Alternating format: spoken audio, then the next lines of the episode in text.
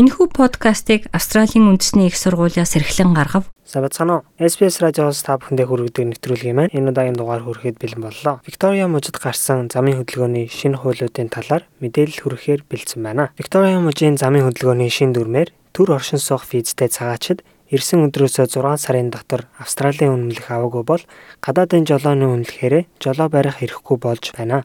Энэ 7 хоногоос мөрдөгдөж эхэлж байгаа Виктория мужийн замын хөдөлгөөний шин дүрмээр бүх төрлийн визтэй хүмүүс ирсэн өдрөөсөө хойш 6 сарын дотор Виктория мужийн үнэмлэх авах шаардлага тавьж байгаа юм байна. Үүнд гадаадын оюутны визтэй хүмүүс ч багтаж байгаа юм. Виктория мужийн замын хөдөлгөөний аюулгүй байдлын хуулиар 10 сарын 29-ноос эхлээд ямар ч визтэй байсан гадаадын жолооны үнэмлэхтэй ирээд 6 сараас дээш болсон Викторийн мужийн үнэлэх аваагүй бол жолоо барих боломжгүй болж байгаа юм. Эдгээр өөрчлөлтүүд нь орон нутаг болон гадаадын жолооны үнэлэхтэй хүмүүст тавигдаж байгаа шаардлагыг хялбарчилж байна хэмээн зам тээврийн хилцээс мэдгдлээ.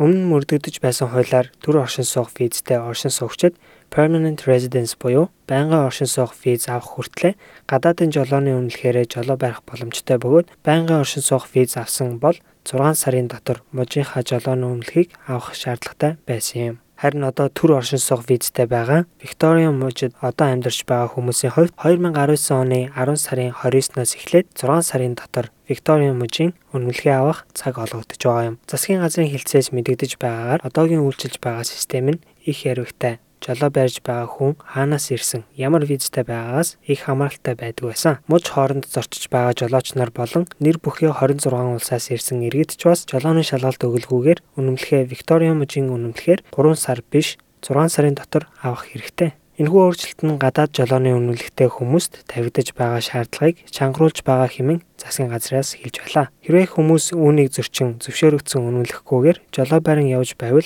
ноцтой хэрэгт тооцогдно. Ажил олгогчид ч бас гадаад жолооны үнэлэхтэй хүн энд 6 сараас дээш хугацаагаар амьдарсан эсхийг бас шалгах болно. Хэрвээ үүнийг шалгахгүй бол үнэлэхгүй хүнээр машин бариулсан хэмээн бас ноцтой хэрэгт унах юм хэмээн зам тээврийн хилцээс тайлбар мэдэгдэл хийсэн юм. Энэхүү хуулийн зарлага нь Виктория мужийн замын хөдөлгөөний онцлогийг мэдүүлэх зохих туршлага ур чадвартай жолоочийг хөдөлгөөнд аюулгүй оролцуулах юм а. Түүнчлэн гадаад жолоочдын согтуугаар жолоодох хурд хэтрүүлэх зэрэг эрсдлийг бууруулж байгаа хэмээн хэлж байлаа. Эдгээр аюултай асуудлуудыг мөн хянах хуулиуд энэ мигмар гарагаас эхэлж байгаа юм а. 12 сарын туршид сайн жолоож байсан байх шаардлага бас гарч байгаа. Хурд өндөр хэмжээгээр хэтрүүлсэн согтууруулах ундааны нөлөөлөлд жолоо барьсан зэрэг ноцтой зөрчил гаргасан тохиолдолд үнэмлэхийг тодорхой хугацаанд хураах, хүчингү болгох зэрэг торгуультай болж байгаа юм.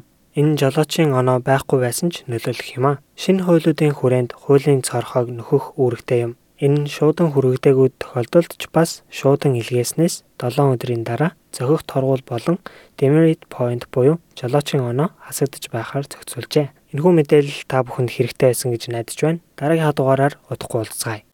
Монгол өв уламжлал Монгол гэсэн өрмөц онцлогоо бид хэрхэн хадгалах вэ? Австралийн тэргуулах зэргийн их сургууль болох Австралийн үндэсний их сургууль нь монгол хэлний онлайн курсыг танд санал болгож байна. Монгол хэлийг сурснаар танд өөрийн сурлага, ажил мэргэжилдээ цааш дахин дэвших боломж гарах болно. Монгол хэлийг бүх шатнд сурч болохоос гадна та хаанч амьдардаг байсан зайнаас сурах боломжтой юм. 2020 оны эхний улирлын эсэлд 12 сард эхлэх болно. Дэлгэрэнгүй мэдээллийг Asia Pacific цэг, ANU цэг, EDU цэг, AU зураас languages холбоосоор орж авна уу?